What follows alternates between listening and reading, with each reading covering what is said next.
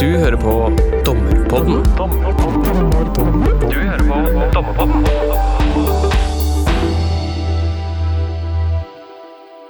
I september i fjor avsa EMD i storkammer dom i Strand Lobben-saken. 13 av 17 dommere mente at Norge hadde krenka retten til familieliv i en barnevernssak. Saken har fått bred mediedekning i Norge og gitt næring til en allerede engasjert debatt om norsk barnevern. Etter Strand Lobben-saken er Norge felt i EMD i flere barnevernssaker, og det er ytterligere 34 norske barnevernssaker som er henvist til behandling. Også i nasjonale domstoler er det fokus på barnevern, og betydningen av EMK artikkel 8 er viet særlig oppmerksomhet i tre avgjørelser som ble avsagt av Høyesterett eh, i storkammer 27. mars i år. Avgjørelsene gir etter mitt syn god veiledning for de rettslige utgangspunktene som domstolene nå må forholde seg til i disse sakene. Saker om omsorgsovertagelser av barn er blant de mest inngripende avgjørelsene domstolene treffer. Det er dramatisk både for barn og foreldre, og gale avgjørelser kan få store konsekvenser for dem som berøres. Det er viktig at myndighetene ikke griper unødig inn i den enkelte familie, samtidig som vi har et ansvar for at de barna som trenger hjelp, får den hjelpen. Det er vanskelig, og det er komplekst. Vi må jobbe med å bli bedre, vi skal treffe planken i alle sakene, og EMD-avgjørelsene tyder på at vi ikke alltid får det til. I dag har vi invitert tidligere kollega og barneombud Inga Beyer-Eng og direktøren for Norges institusjon for menneskerettigheter, Adele Matheson Mestad, for å snakke om da barnevern og retten til familieliv. Velkommen hit. Tusen takk. Takk. Eller til Adele, velkommen tilbake. Det er ikke veldig lenge siden du var her og snakket med oss om hatefulle ytringer. Og du der ute, hvis du ikke allerede har hørt den episoden, så burde du sjekke ut den. Uh, Inga, du er ny uh, her i studio. Uh, velkommen til Dommerpodden. kanskje du har lyst til å si noe om hvordan det har vært for deg å gå fra å være dommer til å nå være barneombud? Det er veldig annerledes. Ja. Men når vi først er inne på barnevern, så du kan si at det som har vært godt med den reisen, det er at de tingene jeg kanskje har sett i hvert fall som dommer, når det gjelder barnevernsfeltet. Ting som burde absolutt vært gjort bedre. Det har jeg nå mulighet til å rope ut og si fra om. Og sitte litt på Eller bite meg fast i leggen til de som de som eh, har noe å si, eller som har mulighet til å gjøre noe med systemene. Og det som jeg tenker som er kanskje greit å vite når man er jurist, da, det er jo mange som hører på dette som er jurister, er at det å argumentere rettslig, det å bruke bl.a. Barnekonvensjonen når vi argumenterer overfor politikere om hva de plikter å gjøre, så ser du de retter seg litt i ryggen og, og lytter. Så jeg, jeg tror liksom jussen har en viktig funksjon her, og særlig at vi bringe fram eh, Barnekonvensjonen og de forpliktelsene vi har der. For det er liksom ikke er no, For noen går det ned en rullegardin, eh, men det burde egentlig gått opp et lys. Så det, det, har vært det er en god bakgrunn å ha når man er barneombud og har jobbet eh, som dommer, tror jeg. Men det du kan si jeg gjør nå, er at jeg sitter, sitter jo aldri stille.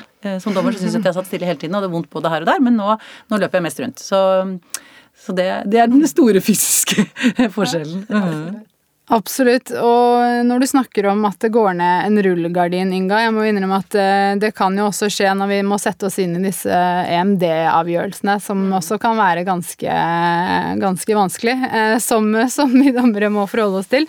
Eh, denne Strand Lobben-saken som ble avsagt i Storkammer for ca. ett år siden, hvis vi skal gå litt over til, til den, hva, hva er det den handler om, Adele?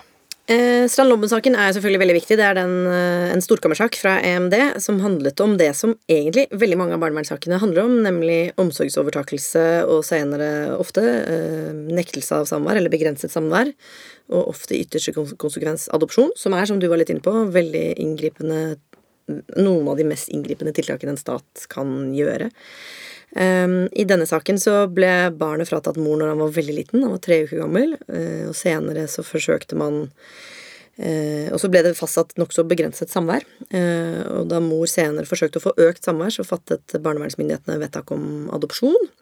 Og det er jo dette adopsjonsvedtaket da som MD senere tar stilling til. Først i en, et kammer, og senere i plenum hvor det da er skarp dissens om hvorvidt eh, morens rett til familieliv var krenket gjennom behandlingen av av denne saken. Og Det som er illustrerende med den saken, for så vidt, er både det at det er snakk om tiltak overfor forholdsvis små barn, og det er jo heller ikke saker basert på vold. Og det er jo da særlig ikke selve omsorgsovertakelsen som sådan som er, er i spill, men det er eh, begrenset samvær og senere adopsjon i dette tilfellet, da, som er eh, sakens tema. Mm. Uh, og det er jo mange, mange, ting å si om denne saken, men et hovedpoeng tror jeg er jo nettopp at denne, som de fleste av de andre EMK-sakene, handler om det vi kan kalle for prosessuelle krenkelser.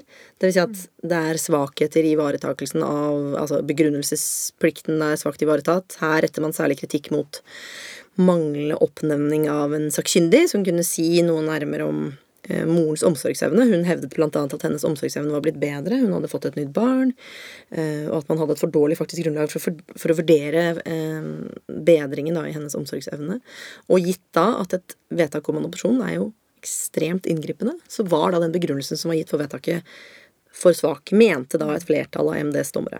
Mm. Og så er det jo en liten fraksjon som mener at det er en materiell krenkelse. At det er et brudd på de materielle forpliktelsene som EMK artikkel 8 oppstiller.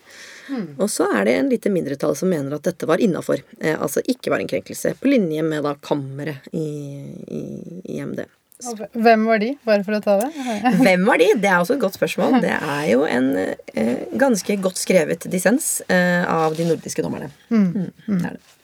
Um, og, og, den, så vidt jeg husker det, ja, den dissensen den eh, sier jo også litt om partsrettigheter. Vet ikke om det var det du tenkte? Det, og, jo, det er også, men jeg tenkte bare skulle tilføye dette med mm. sakkyndighet. For jeg tenker at det er litt viktig for uh, norske domstoler nå, da. ikke sant? Fordi at det, det, var jo ikke det at det ikke var sakkyndighet, uh, så vidt jeg forstår. Eller mener å huske.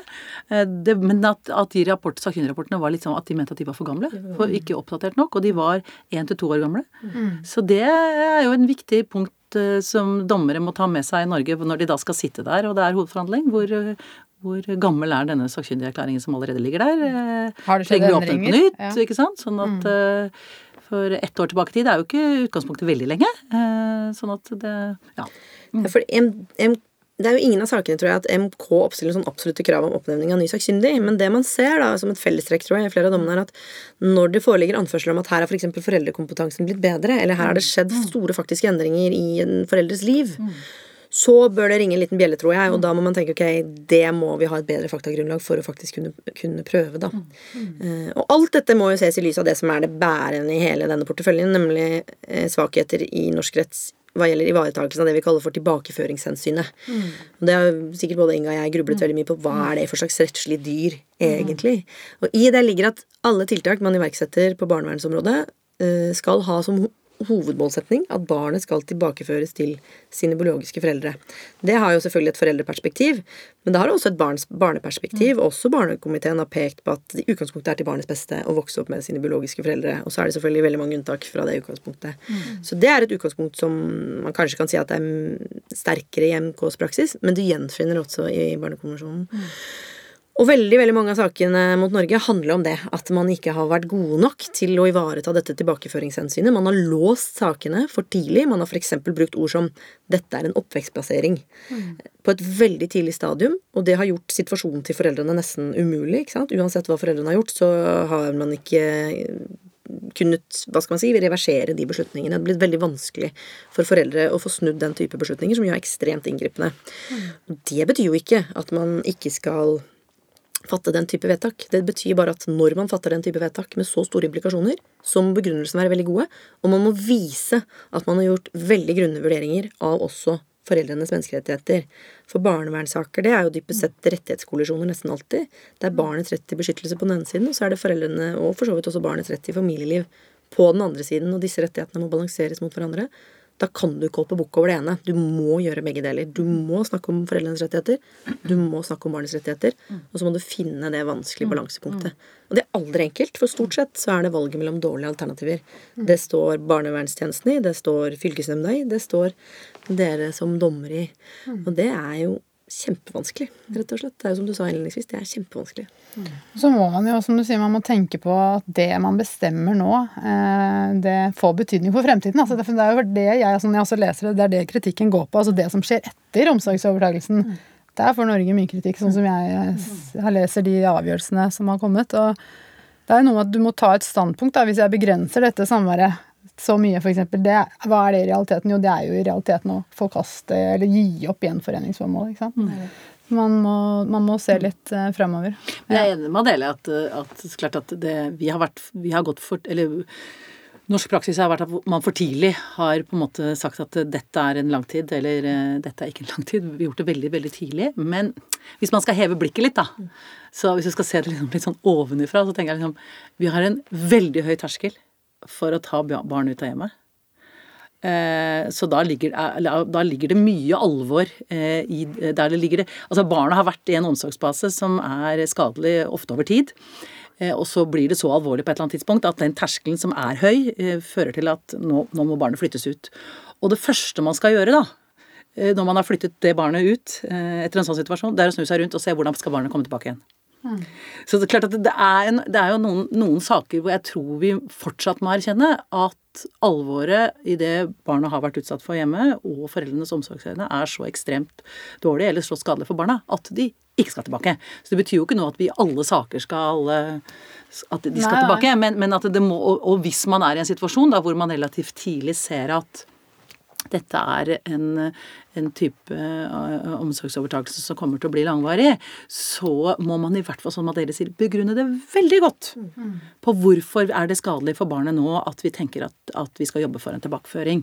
Det krever et skjerpet krav til begrunnelse, tror jeg vel kan si. Men, men, men, jeg tror det er viktig at vi holder fast ved at det er tilfeller hvor barn har vært utsatt for så skadelig omsorg, uh, og hvor de har store både fysiske og psykiske skader, som gjør at det ikke er forsvarlig å tenke at det, uh, det første vi gjør nå, er å begynne å jobbe med at de skal tilbake igjen. Mm. Men det er vel kanskje en forskjell der på barnets alder. Altså jeg tenker det, det, det barnet i Strandlobben-saken, som du sa, det, mm. det var jo tre uker gammelt. Mm. ikke sant? Det er jo forskjell på hvordan vil resten av livet se ut. Det er vanskelig å spå når barnet bare er tre uker. Ja, mens et barn som kanskje er ti år og har, som du sier, Inga, opplevd hvor du har lang historikk da, på ja, ting som hvor, hvor kanskje man har prøvd masse, masse hjelpetiltak, og det ikke mm. fungert.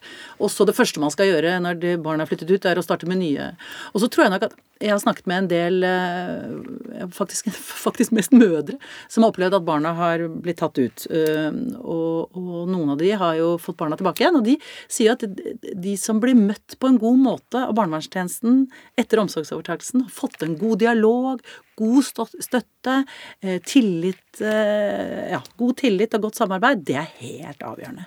Og da lurer jeg på liksom hvordan er det mulig Eller det vil tenke at det er ganske utfordrende noen ganger at det er barnevernstjenesten også som skal gå inn og veilede og hjelpe de foreldrene til å få barna tilbake, når de samtidig har vært de som eh, foreldrene på en måte kanskje noen ganger har gåsehudene kjempet mot da, for å ikke bli fratatt barna sine. Så det er, det er, noen aspekter menneskelig der som jeg tror er, som vi må ta inn over oss, hvor, hvor, at dette er ganske vanskelig materie. Mm. Jeg har lurt på det, nemlig var et spørsmål jeg hadde. Hvordan skal, hvordan skal man følge opp dette? Altså mm. barnevernet burde, andre være, burde være det andre som tar den mm. jobben. Familievernkontoret. altså mm. hvordan I praksis har man ressurser til å ja, og særlig ressurser. altså, dette. Barnevernsstedet ja. driver med mye brannslukking i dag. De er jo når man ser landet under ett, det er jo Det skrikes jo ut om at det ikke er nok hender, og da tar de jo de sakene som brenner og som de må gjøre noe.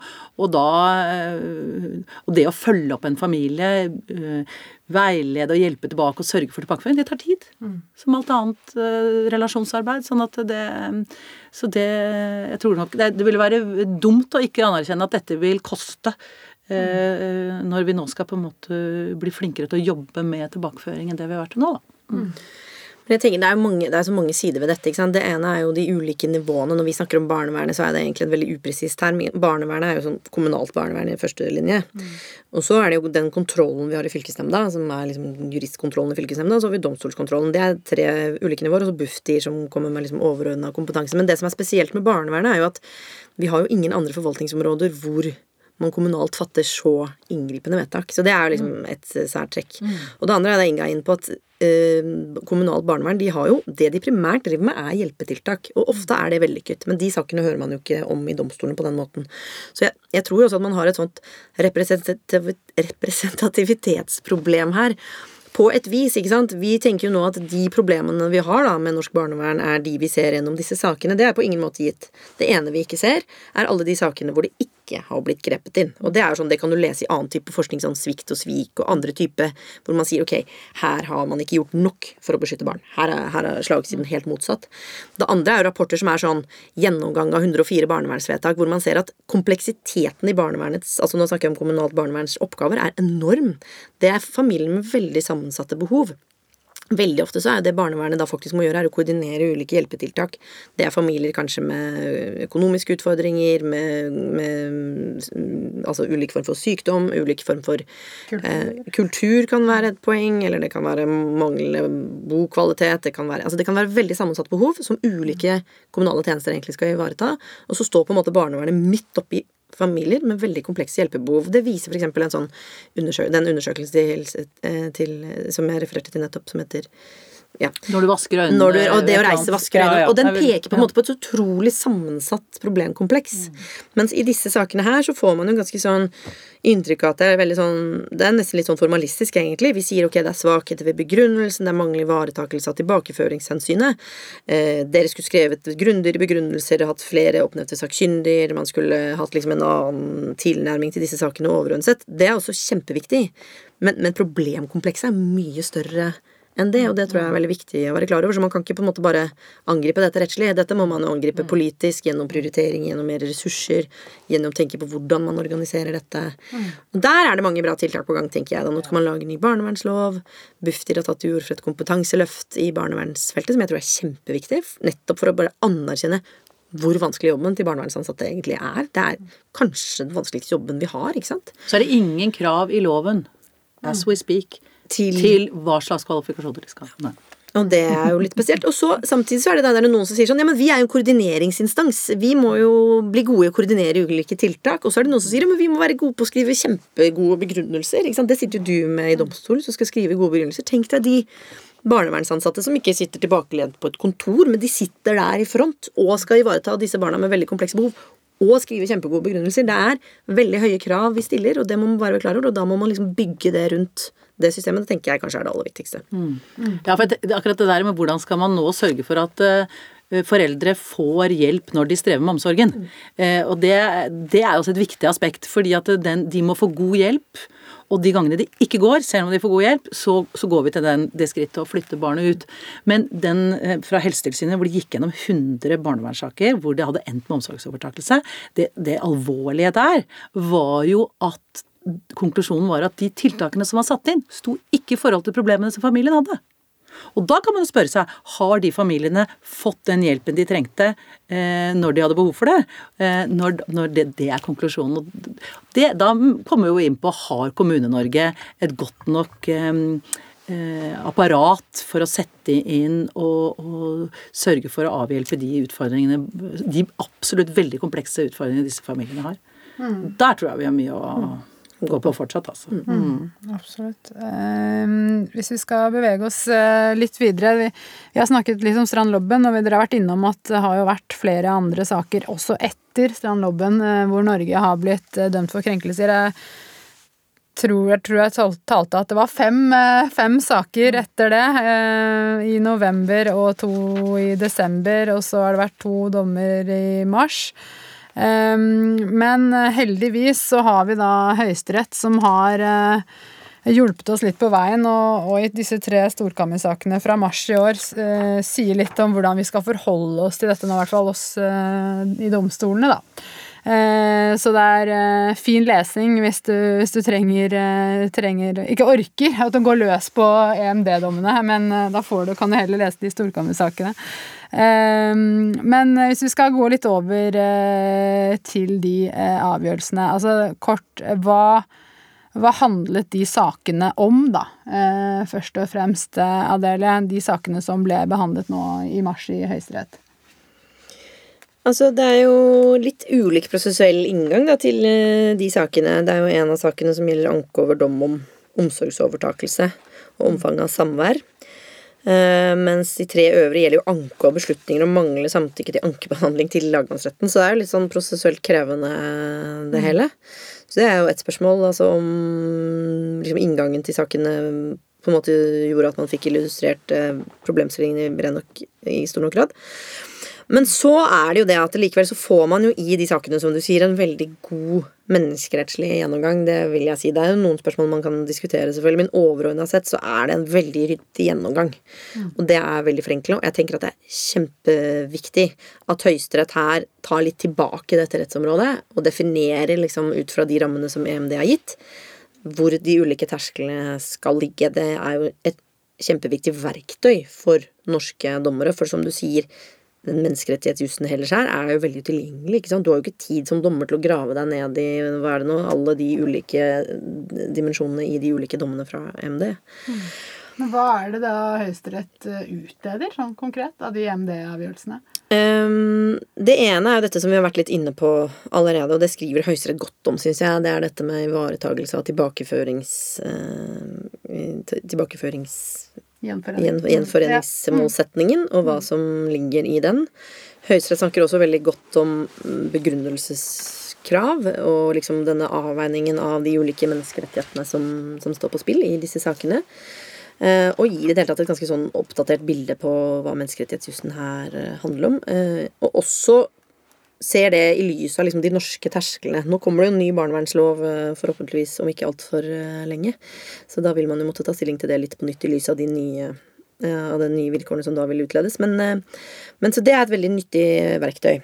Um, og da er det helt sentrale, tror jeg, dette med, som vi var litt inne på i stad, um, at utgangspunktet er at eh, når man overtar omsorgen fra et barn, eller begrenser samværet som følge av det, og i ytterste fall så skal den type tiltak være midlertidig, og at man skal ha som overordnet formål med tilbakeføring, men, men da med disse formålene om hvordan man samtidig skal balansere hensynet til barnet og ivareta barnet. Og en utfordring, tror jeg, med både um, kanskje særlig MK-saken, men delvis også høyesterettssaken, er jo at barnets perspektiver blir jo av litt sånn prosessuelle årsaker litt, tilbake, litt i bakgrunnen. Når det gjelder EMD, så er jo det fordi inngangen til sakene er foreldrenes eh, At foreldrene bringer sakene inn. Altså inngangen er EMK artikkel 8, foreldrenes rett til familieliv. Og så prøver jo ikke EMD friskt barnets beste-vurderinger som er gjort nasjonalt. De bare ser hen til om det er foretatt ok avveininger. Så Derfor er det som Inga var litt inne på innledningsvis, så utrolig viktig å gå opp barnets beste-kravene, både sånn som det er utledet i andre typer saker i EMD, men også etter Barnekonvensjonen ellers, sånn at man får liksom klart for seg at barnets beste-vurderingene, de, de må gjøres også veldig grundig, ikke sant? Også både nasjonalt og, og, og også nasjonalt av nasjonale dommere. Mm, og de der eh, generelle kommentarene når du nevnte det, men generelle kommentarer fra Barnekomiteen Mm. Jeg så at Barneombudet har skrevet litt om det også. Eh, Det er de innom i Høyesteretts avgjørelse. Ja, Nå er de veldig tydelige på at det er en viktig rettskilde. Bare så vi får sagt det, ja, ja, og det jeg tenker er viktig for alle dommere da, som sitter i disse sakene. Det er en, en viktig rettskilde. Og det tror jeg at eh, holdt å si, det er nok antar at det er en del som kanskje ikke har brukt de kommentarene så aktivt. Og de, det er mange av de kommentarene der som er veldig gode, og særlig på barnets beste-vurderinger. Hvordan skal man foreta konkret, eh, konkret barnets beste-vurdering? For det er ikke noe sånn eh, eh, Man ser jo av og til sånn Ja, og følgende er i tråd med barnets beste. Ikke sant? Det blir en sånn setning på slutten. Eh, Det krever litt å, å, å gjøre en god barnets beste-vurdering. Og det tror jeg man kan finne en del veiledning i de, i de kommentarene. Og det er det jo veldig viktig å være klar over. Det, Men liksom, det sier EMD også. EMD sier jo sånn hensyn til barnets beste skal være paramount, f.eks. De bruker formuleringer som det. Og det blir man litt opptatt av å si, fordi når jeg snakker med barnevernsansatte rundt omkring, så er det mange som sitter igjen med et inntrykk at disse MD-dommene gjør at man ikke i så stor grad kan vektlegge hensynet til barnet som man gjorde før. Og de blir mer forsiktige og tilbakeholdne som følge av det. Og det tenker jeg det er en skummel utvikling. Så nå er vi jo veldig avhengig av at både sånn som Høyesterett gjør på veldig pedagogisk måte, men altså alle andre aktører jobber veldig bredt med å få få den essensen ut, da. At ikke man får misforståelser om disse dommene nå på samme måte som man fikk da om den 2012-dommen som sikkert mange norske dommere kjenner. Hvor veldig mange trodde at Høyesterett hadde sagt at eh, samvær fire til seks ganger liksom er i tråd med menneskerettslige krav mer generelt. Nå sier jo Høyesterett i disse plenumsdommene at det var aldri intensjonen at det var det man skulle si. Man må selvfølgelig alltid foreta en konkret vurdering. Det har ikke norske rettsanvendere fått med seg, og det er et problem. Så nå må vi bare passe veldig godt på at verken Høyesterett eller MD sier at liksom man skal nå ta et skritt tilbake fra å ivareta hensyn til barnets beste. Hensyn til barnets beste er paramount, sier MD. Og det må alltid vurderes i en sånn toledet vurdering. Du må kartlegge hva hensyn til barnets beste er, og så må det balanseres mot andre hensyn. Men du må også vurdere foreldrenes interesser på en god måte og vise hvordan du gjør den balanseringen. Da er du trygg. Sant? Men du kan ikke hoppe bukk over det ene eller den ene menneskerettigheten. Du må liksom, du må gjennom den operasjonen. Og det krever jo en god del av rettsanvenderen, rett og slett. Eh, Og det, ja. Sånn Du må på en eksplisitt vise, da. Du vise at du det. du også har med deg rettigheten til biologiske foreldre. Og der har vi nok ikke vært gode nok. Ikke sant? Ikke Det tror jeg nok man kan se på disse norske dommene at vi ja, som Høyesterett sier, dette har vi vært liksom innforstått. At det er viktig med biologisk opphav. Eh, så- Sånn at akkurat der tror jeg vi Absolutt. Og, og det er jo også noe med Jeg har vært opptatt av i straffesaker når man skriver dommer, er liksom uh, Du skriver til noen som skal leve med en avgjørelse. Og det tror jeg liksom at det eh, Som kanskje er helt uenig i det du har kommet til, så tror jeg jo mer man viser at man har vektet hensynet til deg og, og sett det, jo lettere kanskje er det å leve med en ganske inngripende avgjørelse. Sånn at jeg tror det der med gode begrunnelser, det tjener mange formål. Absolutt. Vis hva du har tenkt. Mm. Også ikke minst, Det er en av dommene, nå husker jeg ikke i farta hvilken, men hvor, eh, hvor den nasjonale domstolen de har eh, løftet opp veldig en motforestilling fra foreldrene. Og liksom adressert den veldig tydelig. Mm. Istedenfor å på en måte late som de motforestillingene ikke fins. Og si sånn denne motforestillingen er vektig, den er tungtveiende, vi skjønner det, det er, for, det er av følgende grunner. Men det rekker ikke lenger enn at? At du at du må ikke være redd for å gi plass til motforestillingene da, eh, i et sånt type resonnement. Det tror jeg er veldig viktig, faktisk. Men jeg har lyst til å si det at det jeg som barneombud har vært redd for et, i etterkant av de dommene, er at vi har jo hatt eh, i noen medier i hvert fall sånn litt sånn krigsretorikk rundt disse dommene. Sånn at det er jo Man kan jo få inntrykk av at alt er galt, og, og nå skal alt reverseres. Eh, og som Adele sier, altså at både EMD og Høyesterett nå ligger jo de samme føringene på at barnets beste er avgjørende. Eh, så, så vi, vi er jo på en måte enig i de rettslige utgangspunktene, og det, det tror jeg det er utrolig viktig å få signalisert. Og eh, dette med at terskelen for omsorgsovertakelse eh, er den samme som den var før. Det tror jeg er ganske Det er jo en ganske gjengs oppfatning blant eh, jurister som er gode på dette området nå, at sånn er det. Eh, og det tror jeg er viktig å få ut i tjenestene også, og i domstolene. Sånn at man nå ikke begynner å stille enda strengere krav enn det man tenkte at lå der på forhånd. Men Ja, for det har jo, det er jo Ja, er alle enige i det? det? Det er jo et spørsmål jeg har tenkt å stille. Ja, for det er jo dette med, som Høyesterett skriver, ikke sant? om very exceptional circumstances, og knytter det til omsorgsovertakelse. Er, det, er det meningen? Er det en høyere terskel? Eh, eller er det det samme? Er vi jeg ville jo tro at hvis Høyesterett mente at terskelen skulle heves nå, De ville sagt det. Så, eh, særlig fordi at de har sett at det har vært ganske mange rettsanvendere som har misforstått 2012-dommen deres på samvær. da. Så vil jeg tenke at det er enda større grunn til at de skulle vært tydelige på at hvis man mente at, nå, at vi har hatt en for lav terskel. Så, så jeg bare merket meg at eh, flere professorer på dette området har sagt at, eh, og analysert dommene og sagt at terskelen ikke er hevet. Og så kan man jo da kanskje undres litt over den begrepsbruken, men, men ja, vet ikke hva du mener, Adele? Nei, altså før Det er jo riktig. Før så trodde, i hvert fall tror jeg jeg trodde at det var en terskel man brukte i relasjon til adopsjon, og at terskelen i relasjon til omsorgsovertakelse var noe lavere. Men så er det jo noe av dette er jo litt semantikk også, men jeg tenker jo hele tiden at Selvfølgelig, det skal mye til å gripe inn i foreldrenes familieliv, og det må man være veldig klar over, men man, man bør også komme på, inn i dette gjennom liksom barnets rett til beskyttelsestilnærming. ikke sant? Og hvis du legger terskelen for høyt, så ville det fort kunne støte an mot nettopp de barnets beste-vurderingene som du må gjøre. Og det er jo der balanseringen egentlig ligger, da. Så det det, det, er- viktigste er hvordan dette anvendes i praksis, tenker jeg. At ikke man i praksis legger terskelen for høyt nå. Så det ene er omsorgsovertakelse, eh, tenker jeg, og det andre er samvær. For det jeg var redd for, var jo at når vi nå eh, fikk det, i hvert fall den første, den strandlobben, at nå skulle det bli sånn at vi gikk fra den ene grøfta til den andre. Fra å være altfor bundet til dette fastlagte praksisen fra hva var det, to til fire til seks, eller hva det var vi opererte med, eh, til å gå ved å frislippe alt samvær. Ikke sant? Altså, det vil jo være på å skade mange barn. Sånn at det, det er viktig å få ut at dette er en konkret vurdering. Så det kan godt være at det skal mindre enn fire til seks, og det kan godt være at det skal være mer enn det. Men at vi må bli eh, mye, si, mer, mer bevisst at det er en konkret vurdering basert på barnets beste i hver enkelt sak. Og så tenker jeg at det som jeg kanskje bekymrer meg litt over, da, det er den, eh, det som Høyesterett nå sa i den siste dommen fra 2020, hvor, hvor når det omtales samvær, så sier de noe om at uh, samvær skal, uh, må ikke utsette barnet for urimelig belastning. Og da blir jo mitt spørsmål, er det da greit med samvær der man utsetter barnet for en belastning? Hvordan er det i tråd med barnets beste og barnekonvensjonen? Det jeg vet ikke om du har noe svar på det, eller? Det syns, det syns jeg er liksom sånn Syns vi det Altså et barn som har blitt flyttet ut av hjemmet pga. et skade- og omsorgsmiljø, syns vi det er greit at de utsettes for en belastning når de skal ha samvær med biologiske foreldre? For det er jo sånn man kan lese det, da. Det må være urimelig belastning for at ikke det skal gjøres. Ja, undue hardship, som Ja. de viser til. Ja, og det, en- si, det bekymrer meg. Hva, hva legger man i dette? Hva tenker du, Adele, om det? Nei, det er jo en henvisning til KOV mot Norge, vel, hvor eh, domstolen bruker den termen egentlig i subsumpsjonen. Og det er vanskelig å gjenfinne det i liksom EMD sin angivelse av de rettslige utgangspunktene i andre saker.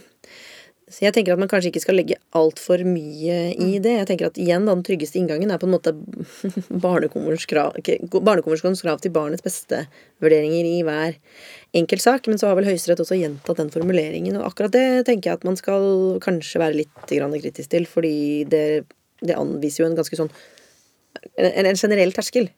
Og poenget er jo nettopp at du må foreta konkrete vurderinger i hver enkelt sak. Men samtidig, hvis man skal ivareta tilbakeføringshensynet, så er det jo viktig at barnevernstjenestene jobber veldig aktivt på ulike måter for å få til godt samvær. Det, du, du må prøve forskjellige tilnærminger, det og, det, og det har man pekt på i sånn andre saker også, at øh, hvis noe ikke fungerer, da må du prøve noe annet, da må du revurdere, da må du kanskje skifte måte å gjennomføre samvær på, du må lytte til barnet, hva er det som er vanskelig med dette, kan vi gjøre dette annerledes, kan vi gjøre dette bedre, og alle disse tingene krever jo ganske mye ressurser.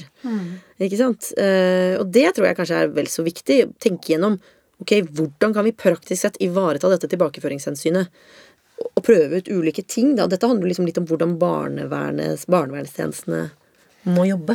Skal vi i domstolen mene noe om, om det? Altså kvaliteten på samværene, eh, hvordan de burde gjennomføres for å styrke gjenforeningsformålet? Altså hvordan dette skal følges opp? Burde vi, skal vi mene noe om det? Jeg tenker i hvert fall at man kan etterlyse vurderinger av det. Ikke sant? At, at uh, som vi har sagt nå flere ganger, hvis du skal gi opp gjenforeningsmålsetningen eller begrense samvær veldig sånn at gjenforeningsmålsetningen ikke kan ivaretas, så bør du ha synliggjort at du virkelig har prøvd. Altså at du virkelig både har lytta til foreldrene, lytta til barnet, sett på premissene for samværet. eh, Også selvfølgelig jobbet med det som man snakker altfor litt om, nemlig fosterforeldrene. Som jo også har en innmari viktig rolle i dette. Ivaretatt dem på en sånn måte at de kan hjelpe barnet, støtte barnet i disse kjempekomplekse situasjonene. Um, så det tenker jeg man må kunne spørre om, i hvert fall. Hva, hva har man gjort for å forbedre kvaliteten på samvær? Eh, Hvilke vurderinger har blitt gjort fortløpende her? At ikke, fordi det er jo den derre lås at, at, at saker ikke låses. At man hele tiden har en sånn dynamisk tilnærming til, til hvordan kan vi ivareta dette grunnleggende hensynet på en god måte. Da. Det er veldig viktig. Når er det, når er det så lite samvær at, man, at MD mener at man eh, på en måte i praksis eh, forkaster den gjenforeningsmålsetningen? Altså, hva, hva snakker vi da? Er det noen som har noen mening om det? Jeg tror ikke de har sagt noe sånn absolutt om det, um, egentlig. Det tror ikke jeg heller. Jeg tror bare jeg leste et sted at uh, fire i året var uh, da, da var det så lite at man i praksis uh, forkastet den. Og da måtte man i hvert fall begrunne godt hvorfor man, eh, man satte det så lavt. Um, men jeg kan heller ikke huske at jeg har lest det. Altså. Men hvis man Inge har vært litt inne på det, noen ganger så er det nødvendig å forkaste den. Altså, sier Høyesterett noe om det? Altså de typiske tilfellene der det kan være aktuelt å, kanskje ta det, valget, ta det standpunktet. Da. At man sier at eh, nå Vi har prøvd eh, alt. Eh, det beste for barnet er at det blir her for oppvekst, f.eks. Altså, hva, hvilke type tilfeller er vi Det er vel tre typer tilfeller de skisserer. Det er jo liksom, hvis du, Nå husker jeg ikke helt begrepsbruken, jeg, men hvor liksom foreldrene er eh, på å si utover det normale uskikket. holdt Jeg på å si, ikke hvilket begrep som brukes, jeg. Eh, og, at, og, hvis det, og, ja, og hvis samværet kan være skade barnets helse og utvikling. Eh, det var vel det andre. Og det tredje er vel det der med at Og det har vi, har vi nå vært inne på tidligere, kanskje dette med at de har, hvis barna har vært lenge, si at de har flyttet når de var veldig små og har bodd lenge i en fosterfamilie hvor de, som de oppfatter som sitt hjem, ikke sant, og sånn, og hvor de da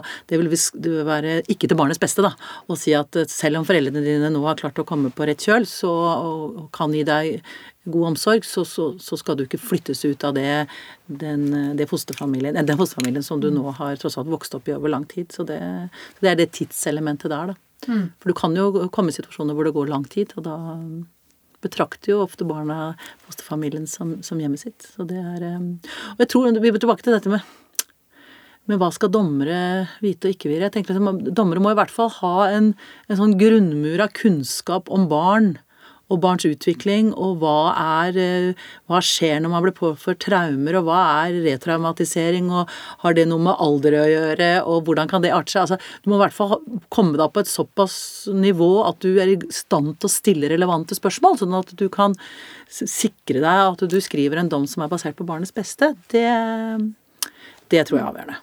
Sånn at, og der er, vi, der er vi nok ikke helt Selv om det har vært et stort kompetanseløft eh, hos dommer i dag, så tror jeg nok at vi, vi rundt omkring i Norges land har fortsatt en del å hente på at vi, at vi har nok kunnskap, da, sånn at vi kan stille gode spørsmål. Vi skal jo ikke være barnepsykiatere eller barnepsykologer, men vi skal kunne være i stand til å stille eh, gode, relevante spørsmål. Mm.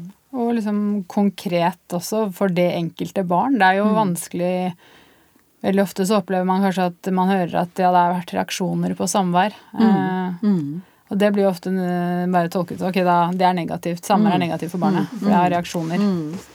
Men det også er vel noe av kritikk, kritikken fra MD går vel på mm. noe av det at man trekker slutninger ut, ut fra noe som mer sånn generelt eh, kan være noe som egentlig kanskje er Kanskje er det fordi man har mye savn. Altså ja, det er det ja. Man må gå eh, lenger ja, inn, som dypere dommer må du da i hvert fall tenke deg For jeg har jo sett mange saker, jeg har selv hatt det selv, hvor du sier at ok, han, eh, han tisser på seg i bilen når vi kjører tilbake igjen, han får masse mareritt. Det er et, et funksjonsfall, da. Mm. Etter at samværet er eh, gjennomført. Så, så, tror jeg det er viktig at man da, sånn som Adele sier, trekker opp da Ja, hva er det foreldrene ofte da sier? Ja, men det er jo fordi han savner oss. Eh, det er jo fordi det går for lang tid. Det er uvant setting. Alt dette. Altså, de argumentene må løftes og drøftes. Mm. Det tror jeg er viktig. Eh, og så må dommeren også være trent til å stille de relevante spørsmålene til de som da eh, kjenner barnet, eller de som da er sakkyndige i saken, som kan få belyst det. Ofte kan jo det være vanskelig hvis det er et lite barn. Mm. Å vite hva er det ene og hva er det andre. Altså det Dette er ikke noe Nei. Det, det, er komplekse vanskelige saker, men man må i hvert fall sørge for å ha åpnet de dører og drøftet de temaer som, som man skal. Mm. Men det jeg også tror litt, er Og det vil jeg tro er ganske Dette er bare Nå tenker jeg bare høyt her, egentlig. Men for en dommer, da. Si i en av sakene så var det to En mor som ønsket en sakkyndigvurdering fra noen andre sakkyndige. Og så leser man litt mellom linjene at domstolen nok har vært ganske kritisk til de andre sakkyndigene, men det står ikke eksplisitt i dommen. Mm. Eller at man tenker kanskje at eh, noen vitner er mindre troverdige enn andre, f.eks., eller sånn. Og så skriver man det ikke fordi man ikke føler at man trenger det. Jeg tror dette er et område hvor dommere må tenke her må vi si det. Mm. Her må vi ikke hoppe over gjerdet der hvor det er lavest. Hvis vi mener at noen sakkyndigvurderinger f.eks. ikke holder mål, eller det er sakkyndige vi er kjent med fra tidligere saker at gjør veldig rare og ensidige vurderinger, da må man si det. Mm. Ikke sant? For Hvis ikke så vil jo, sånn som når NDM da ser det utenfra, så ser de bare hæ, her ble mors krav om denne sakkyndigvurderingen bare avvist uten nærmere begrunnelse. Mm. Det kan jo ha vært sympatiske grunner for at en dommer gjorde det, men da må man heller si det. Mm. Uh, fordi hvis ikke så ser det ut som at man på en måte ikke har lytta til foreldrene, da. Uh, og det er også kanskje Det tror jeg kan være sånn gjennomgående trekk her, egentlig. At de litt ubehagelige tingene må man faktisk si. For å vise nettopp at man har tatt på alvor den type innsigelser. Det er jo et et kjempeviktig poeng i en av, en av, sakene her. ikke sant? At man mm, ja, og, og det, det, tror jeg er utrolig viktig. For jeg kjenner egentlig på meg selv at hvis du da har skrevet en, skrevet en avgjørelse som da går i disfavør av eh, en mor eller en far, eller begge to, eh, og hvor du da egentlig ikke har lyst å utbrodere premissene hvor eh, dårlig omsorgsperson vedkommende er. Ikke sant? Hvor, hvor. Du, du, du, du, går litt sånn, du tar det litt sånn forsiktig, for du tenker at nå vil ikke jeg kruse et hår til på det hodet til det mennesket som tross alt det er ligger nede. Ligger nede, ikke sant? Da, men der tror jeg vi må være tøffere. For jeg ser på bl.a. den ene tingrettsdommen som da var til behandling i Strasbourg nå, hvor, hvor, jeg klarer å lese gjennom linjene hvordan, hvordan situasjonen var her, fordi man er vant til å lese sånne dommer. Men jeg tenker det er åpenbart, her må vi ikke spare på noe hvis vi mener at foreldrene eh, har eh, svært dårlig omsorgsevne, så må, man på en måte beskrive det litt i detalj, og med eksempler, tror jeg, for at eh, selv om det kan sikkert være smertefullt for de som har lest det. Så er et vedvarende problem som i hvert fall vi ofte hører, er jo at kvaliteten på sakkyndigvurderinger varierer veldig. Eh, og det også tror jeg noe man må egentlig kanskje snakke litt mer om. Altså dommerens forhold til sakkyndigvurderinger. Um, nå vet ikke jeg, Dette vet jo dere mye mer om meg, men hvordan man forholder seg til det, og i hvilken grad man føler seg liksom kompetent. For veldig mye av dette er jo barnefaglige vurderinger. Og da er du jo veldig god, da er du veldig avhengig av at de barnefaglige vurderingene som ligger til grunn, er kvalitativt gode. Og kanskje da av og til måtte bare ta et skritt tilbake og si vet du hva, den vurderingen er ikke god nok. Vi må få bedre faglige vurderinger inn her. Eh, Og heller utsette eller sant, kreve et bedre beslutningsgrunnlag som dommer. Jeg, jeg, jeg føler ikke at jeg har godt nok beslutningsgrunnlag. Da er det ofte en grunn til det. Da krever jeg et bedre beslutningsgrunnlag. Fordi disse sakene er så inngripende. Du kan ikke fatte denne type vedtak på et for mangelfullt beslutningsgrunnlag. Det må man bare få en slutt på. Altså, fordi det er jo ekstremt inngripende overfor de foreldrene dette gjelder. Det er jo, man kan jo tenke seg det selv. Det er jo det er jo det, er det verste som kan skje eh, en forelder. Altså, så du må i hvert fall være 100 sikker på at du har de aller beste forutsetningene for å ta den beslutningen. Da er det helt klart bedre å utsette. Det er det bedre For det er mange saker fortsatt, vil jeg tro, i tingrettene hvor man behandler disse sakene uten rettsoppnevningssakkyndig? Det varierer nok eh, Ja. stort. Jeg hadde en sak hvor jeg som er utsatt for å få sakkyndigutredning. Rettsoppnevnt sakkyndig. Ja, Og da, Det går jo på bekostning av saksbehandlingstiden, da, men, Ja, ja, eh, men det var det verdt. Mm. Og så tror jeg det er viktig å være klar over hva slags etterkontroll vi har av de sakkyndigrapportene. Det tror jeg dommeren må være veldig bevisst, eh, eh, og særlig i forhold til hvilken rolle dommeren skal ha for å stille spørsmål mot det, skrev, altså mot det skriftlige materialet de får. Fordi eneste kontrollen som gjøres, det er om det er samsvar mellom premiss og konklusjon. Så har man jo meddommere, da, også. En, Ja da. en fagkyndig som også eh, Ja, hvis man har en god eh, meddommer som kan tingene, så kan det også hjelpe Ja, ja, litt i de sakene. Men det tror jeg har vært eh, at mange har lent seg kanskje litt for lett på det. Da, som du sier at det ligger litt sånn mellom, kort, mellom linjene der. At uh, vi kanskje ikke har oppnevnt sakkyndig nok i de sakene. Men det blir jo veldig raskt berammet, og da sitter det kanskje langt inne da, for noen å utsette for å få en ordentlig utredning. Jeg vet ikke. Eh, Men eh, det får vi se hvordan det blir nå etter disse, disse avgjørelsene. Men der tenker jeg faktisk at dommere kan lene seg en god del på dette menneskerettslige. Der vil det være et nyttig verktøy for å ivareta disse kravene til begrunnelser som EMD oppstiller, som er ganske strenge. Det er ganske strenge krav. Så må følgende Og, og EMD peker jo også veldig konkret på liksom, krav til beslutningsgrunnlag for ulike typer vurderinger. ikke sant? Hva slags beslutningsgrunnlag må man ha for å si noe om barnets sårbarhet? Kan du bare basere det på adoptivforeldrene sine opplysninger, for eksempel, eller fosterforeldrenes opplysninger? Ja, det er ikke uproblematisk. Da burde du kanskje ha en sakkyndig vurdering, hvis, hvis du opplever at det er situasjonen. Hva Krav til knytter sårbarheten seg til? Det syns jeg ofte kan være vanskelig å få tak seg i. Ja. Det, det er jo også en barnefaglig vurdering langt på vei. Det må du ha et faktagrunnlag for. Barnets beste-vurderinger bygger også på barnefaglige vurderinger. Ikke sant? Som, og det, igjen da, MD sier ikke at man alltid må ha sakkyndigvurderinger, men, men, men, men veldig mange av de si, kravene til begrunnelsen som de oppstiller, forutsetter jo langt på vei den type faglighet inn i domstolene. Da tror jeg bare man, man har en aksept for at dette er komplekse saker. Det er som sagt ekstremt inngripende. Da må man liksom gi det tid og rom som det krever, egentlig. altså. Og Så skal man huske på at veldig ofte så er det jo tingrettsdommen som er på en måte blir prøvd i EMD. Det, går, det er jo ofte der det stopper. Eh, og så er det Nå tenker jeg ikke på at man skal være så redd for, å, for hva EMD mener om dommen sin, det er ikke det jeg mener, men også det med at eh, som vi har vært litt innom, dette med at man skal, barnet, at det skal falle litt til ro. Det skal lande litt. Altså Hvis du har en grundig dom fra tingretten, eh, så jo det, kan jo det også være bra. At, eh, at, det, måte, at alle kan eh, Ja, også særlig når du ser på disse reglene med gjentatte søksmål. Altså, Ja. det er jo, har jo vært, jeg snakket jo med en, en gutt på 14 som har flyttet fra hjemmet pga. vold. Jeg tror, han, jeg tror han mente han hadde vært syv ganger i retten, Mm. På fire år. Altså med hastesaker. Altså han er i sånn Han er vel egentlig i hovedforhandling Eller i hvert fall er i prosess, da, mer eller mindre, eh, en gang i året, da. Sånn at vi har jo et system nå hvor eh, hvor foreldre da gjentatt og gjentatt kan sette dette i sving. Sånn at eh, ut fra, mitt perspektiv, da, hvordan er dette i forhold til barnets behov for ro og sånn. Og så klart, hvis da en grundig og god dom første gang kan kanskje forhindre noen av disse gjentatte søksmålene, så, så hadde jo det vært bra. Ja, da er det jo verdt å kanskje utsette tre måneder for å få en ja. ordentlig sakkyndig ja. vurdering. Eh, Vi har vært eh, innom mye. Jeg, jeg tenkte til slutt eh, jeg skulle snakke, vi har, Nå har vi jo fått hørt litt da, eh, om alle disse kravene som blir stilt til oss, og krav til begrunnelse og prosess, da, spesielt eh, i barnevernssaker. Eh, og så er det foreslått, eh, det er fra NOU-en Likhet for loven, jeg vet ikke om dere har vært innom og, og sett litt på det kapitlet, men, men det er foreslått at barnevernssaker skal vi se, i all hovedsak, så vidt jeg husker, skal behandles over én dag. Altså rettsmøtene skal vare i én dag. Og saker skal avgjøres på grunnlag av kombinasjon av skriftlig og muntlig behandling. Eh, det er NOU 2020 nummer 5, Likhet for loven, da, hvor det er fremmet forslag eh, om dette når det gjelder domstolenes behandling av barnevernssaker. Eh, og så er det også forslag om at prøving av vedtak som er truffet etter skriftlig behandling, kan avgjøres etter en ren skriftlig behandling.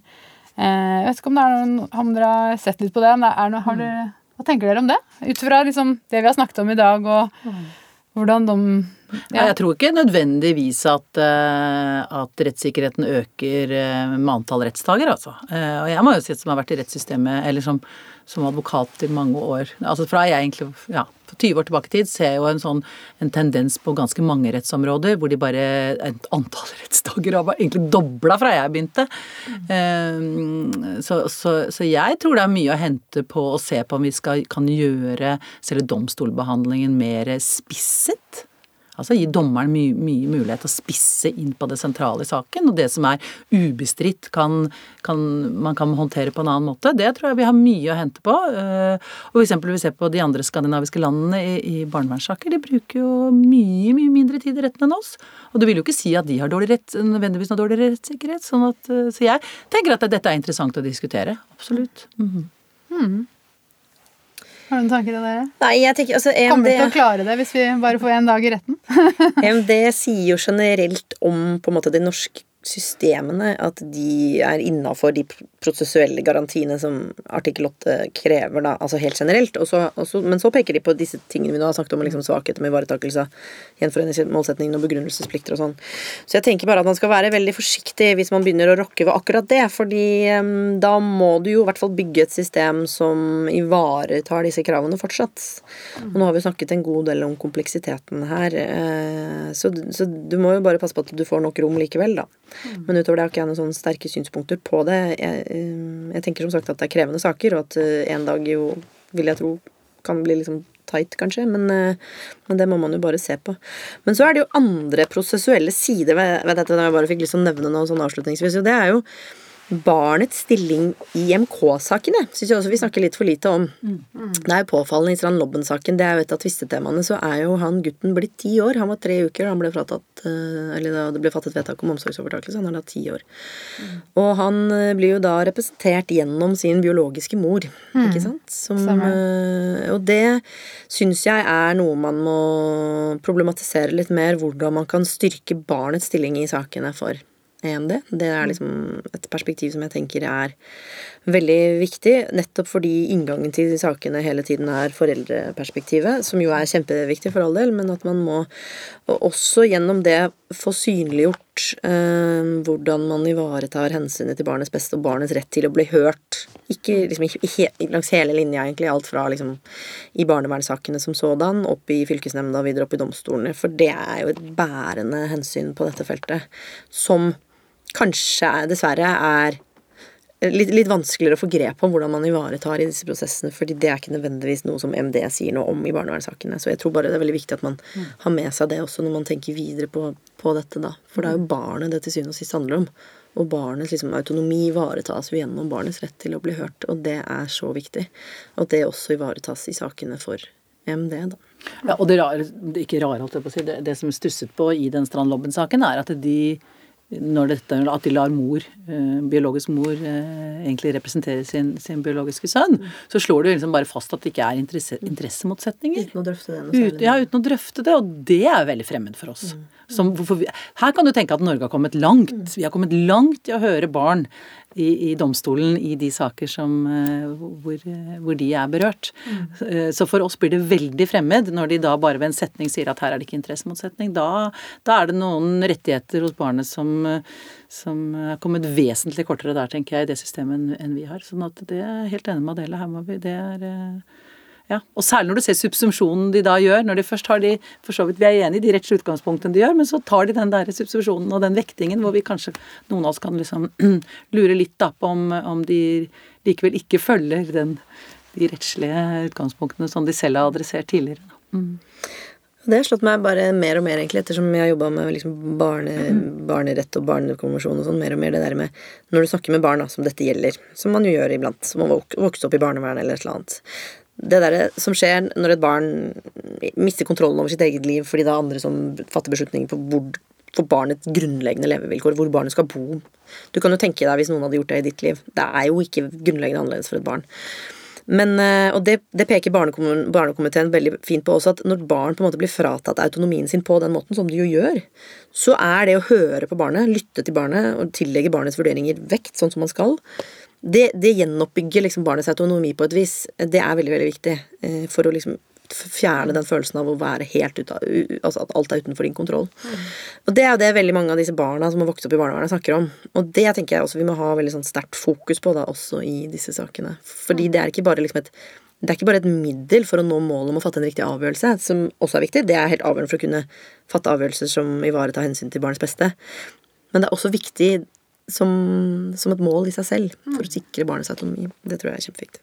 Det er vanskelig å være uenig i det. Eh, vi går mot slutten. Jeg tror vi må sette strek eh, der. Dette rettsområdet det er i stadig utvikling. Eh, det kommer dommer fra Høyesterett. Det var en sak til behandling i forrige uke, to denne uken. Det kommer en ny Den Abdi-saken fra EMD er henvist til storkammer i EMD, så det, her kommer det flere føringer som domstolene må forholde seg til i tiden framover. Eh, tusen takk til Inga Dele som eh, kom hit i dag. Kanskje dere kommer for en sånn to be continued-episode av Dommerpodden part two hvis vi nå får disse siste avgjørelsene også. Hvem vet? Eh, og takk til deg der ute som har hørt på Dommerpodden. Mitt navn er Runa Nordahl Hereid, og denne episoden er laget i samarbeid med tingrettsdommerne Ragnar Lindefjell og Ola Berglande. Denne episoden ble spilt inn 15.9.2020, og senere samme dag avsa Høyesterett to avgjørelser i barnevernssaker. Den ene avgjørelsen avklarer at terskelen for omsorgsovertakelse ikke er hevet, eh, slik Adele og Inga la til grunn i episoden. Vi legger referansen til dommen inn i episodebeskrivelsen. Du har hørt på Dommerpodden Dommerpodden er en podkast fra Norges domstoler, og er først og fremst ment som et kompetansetiltak for dommere. Hvis du har ris, ros, forslag til temaer eller folk vi kan prate med, så er vi glad for å høre fra deg, og da kan vi nås på podkast. Ha en god dømmende hverdag så lenge. Vi høres.